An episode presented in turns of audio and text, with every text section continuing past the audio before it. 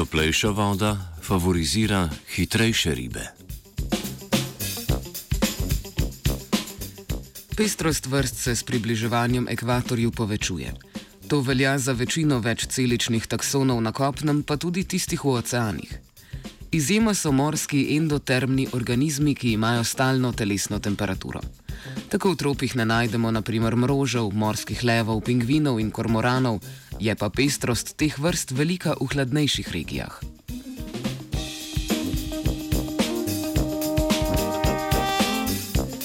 Veliki plenilski vretenčari so ključni za nadzor prehranjevalnih verig. Raziskovalna skupina je skušala določiti vzorce pestrosti vretenčarskih vrst v vodnih sistemih.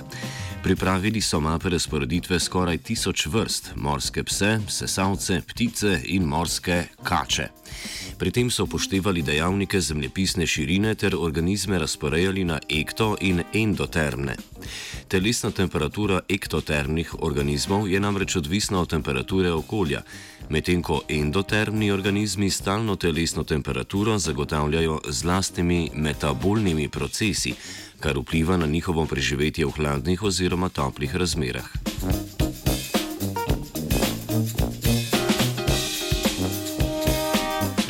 Glede na ugotovitve raziskave, večino endotermnih sesalcev in ptic najdemo na območjih zmerne zemljepisne širine, medtem ko ektotermne morske pse in ptice najpogosteje srečamo na območju subtropskih in tropskih oceanov. Na razporeditev pestrosti vrst najverjetneje pomembno vpliva nadzor telesne temperature, Pomembni pa so tudi veliki, produktivni ali obaljni habitati, ki v splošnem podpirajo več vrst, ne glede na njihovo termoregulacijsko strategijo.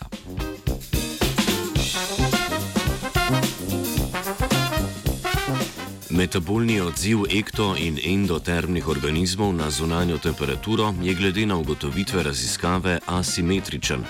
To pomeni, da je metabolizem endotermnih organizmov konstanten ne glede na temperaturo vode v okolju, pri ektotermnih organizmih pa različen.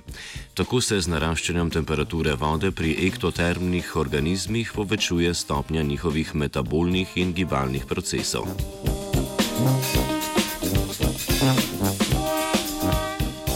Večja pestrost endotermnih organizmov v bližini zemljenih tečajev je najverjetneje povezana prav z njihovo sposobnostjo ohranjanja telesne temperature. Ta namreč endotermnim organizmom na Arktiki in Antarktiki omogoča, da se lahko gibajo hitreje in tako uspešneje lovijo hladnokrvni plen, ki se v hladnem okolju giblje in odziva počasneje. Hitrost v takem okolju predstavlja prednost, ki organizmu omogoči preživetje.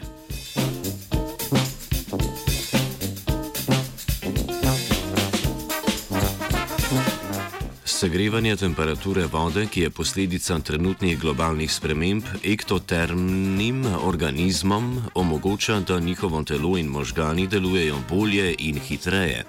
Segrevanje torej spodbuja trenutno manj prilagojene ektotermne organizme, med katerimi so tudi najbolj ubijalske vrste morskih psov.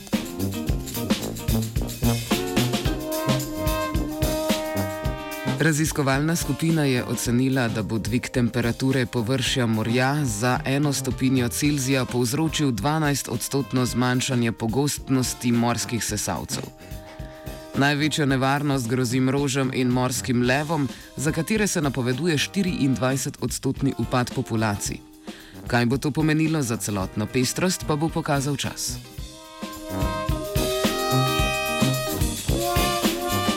V hladni vodi kljub stalni temperaturi, eh, v hladni vodi kljub stalni telesni temperaturi počasi plava mojca. Three.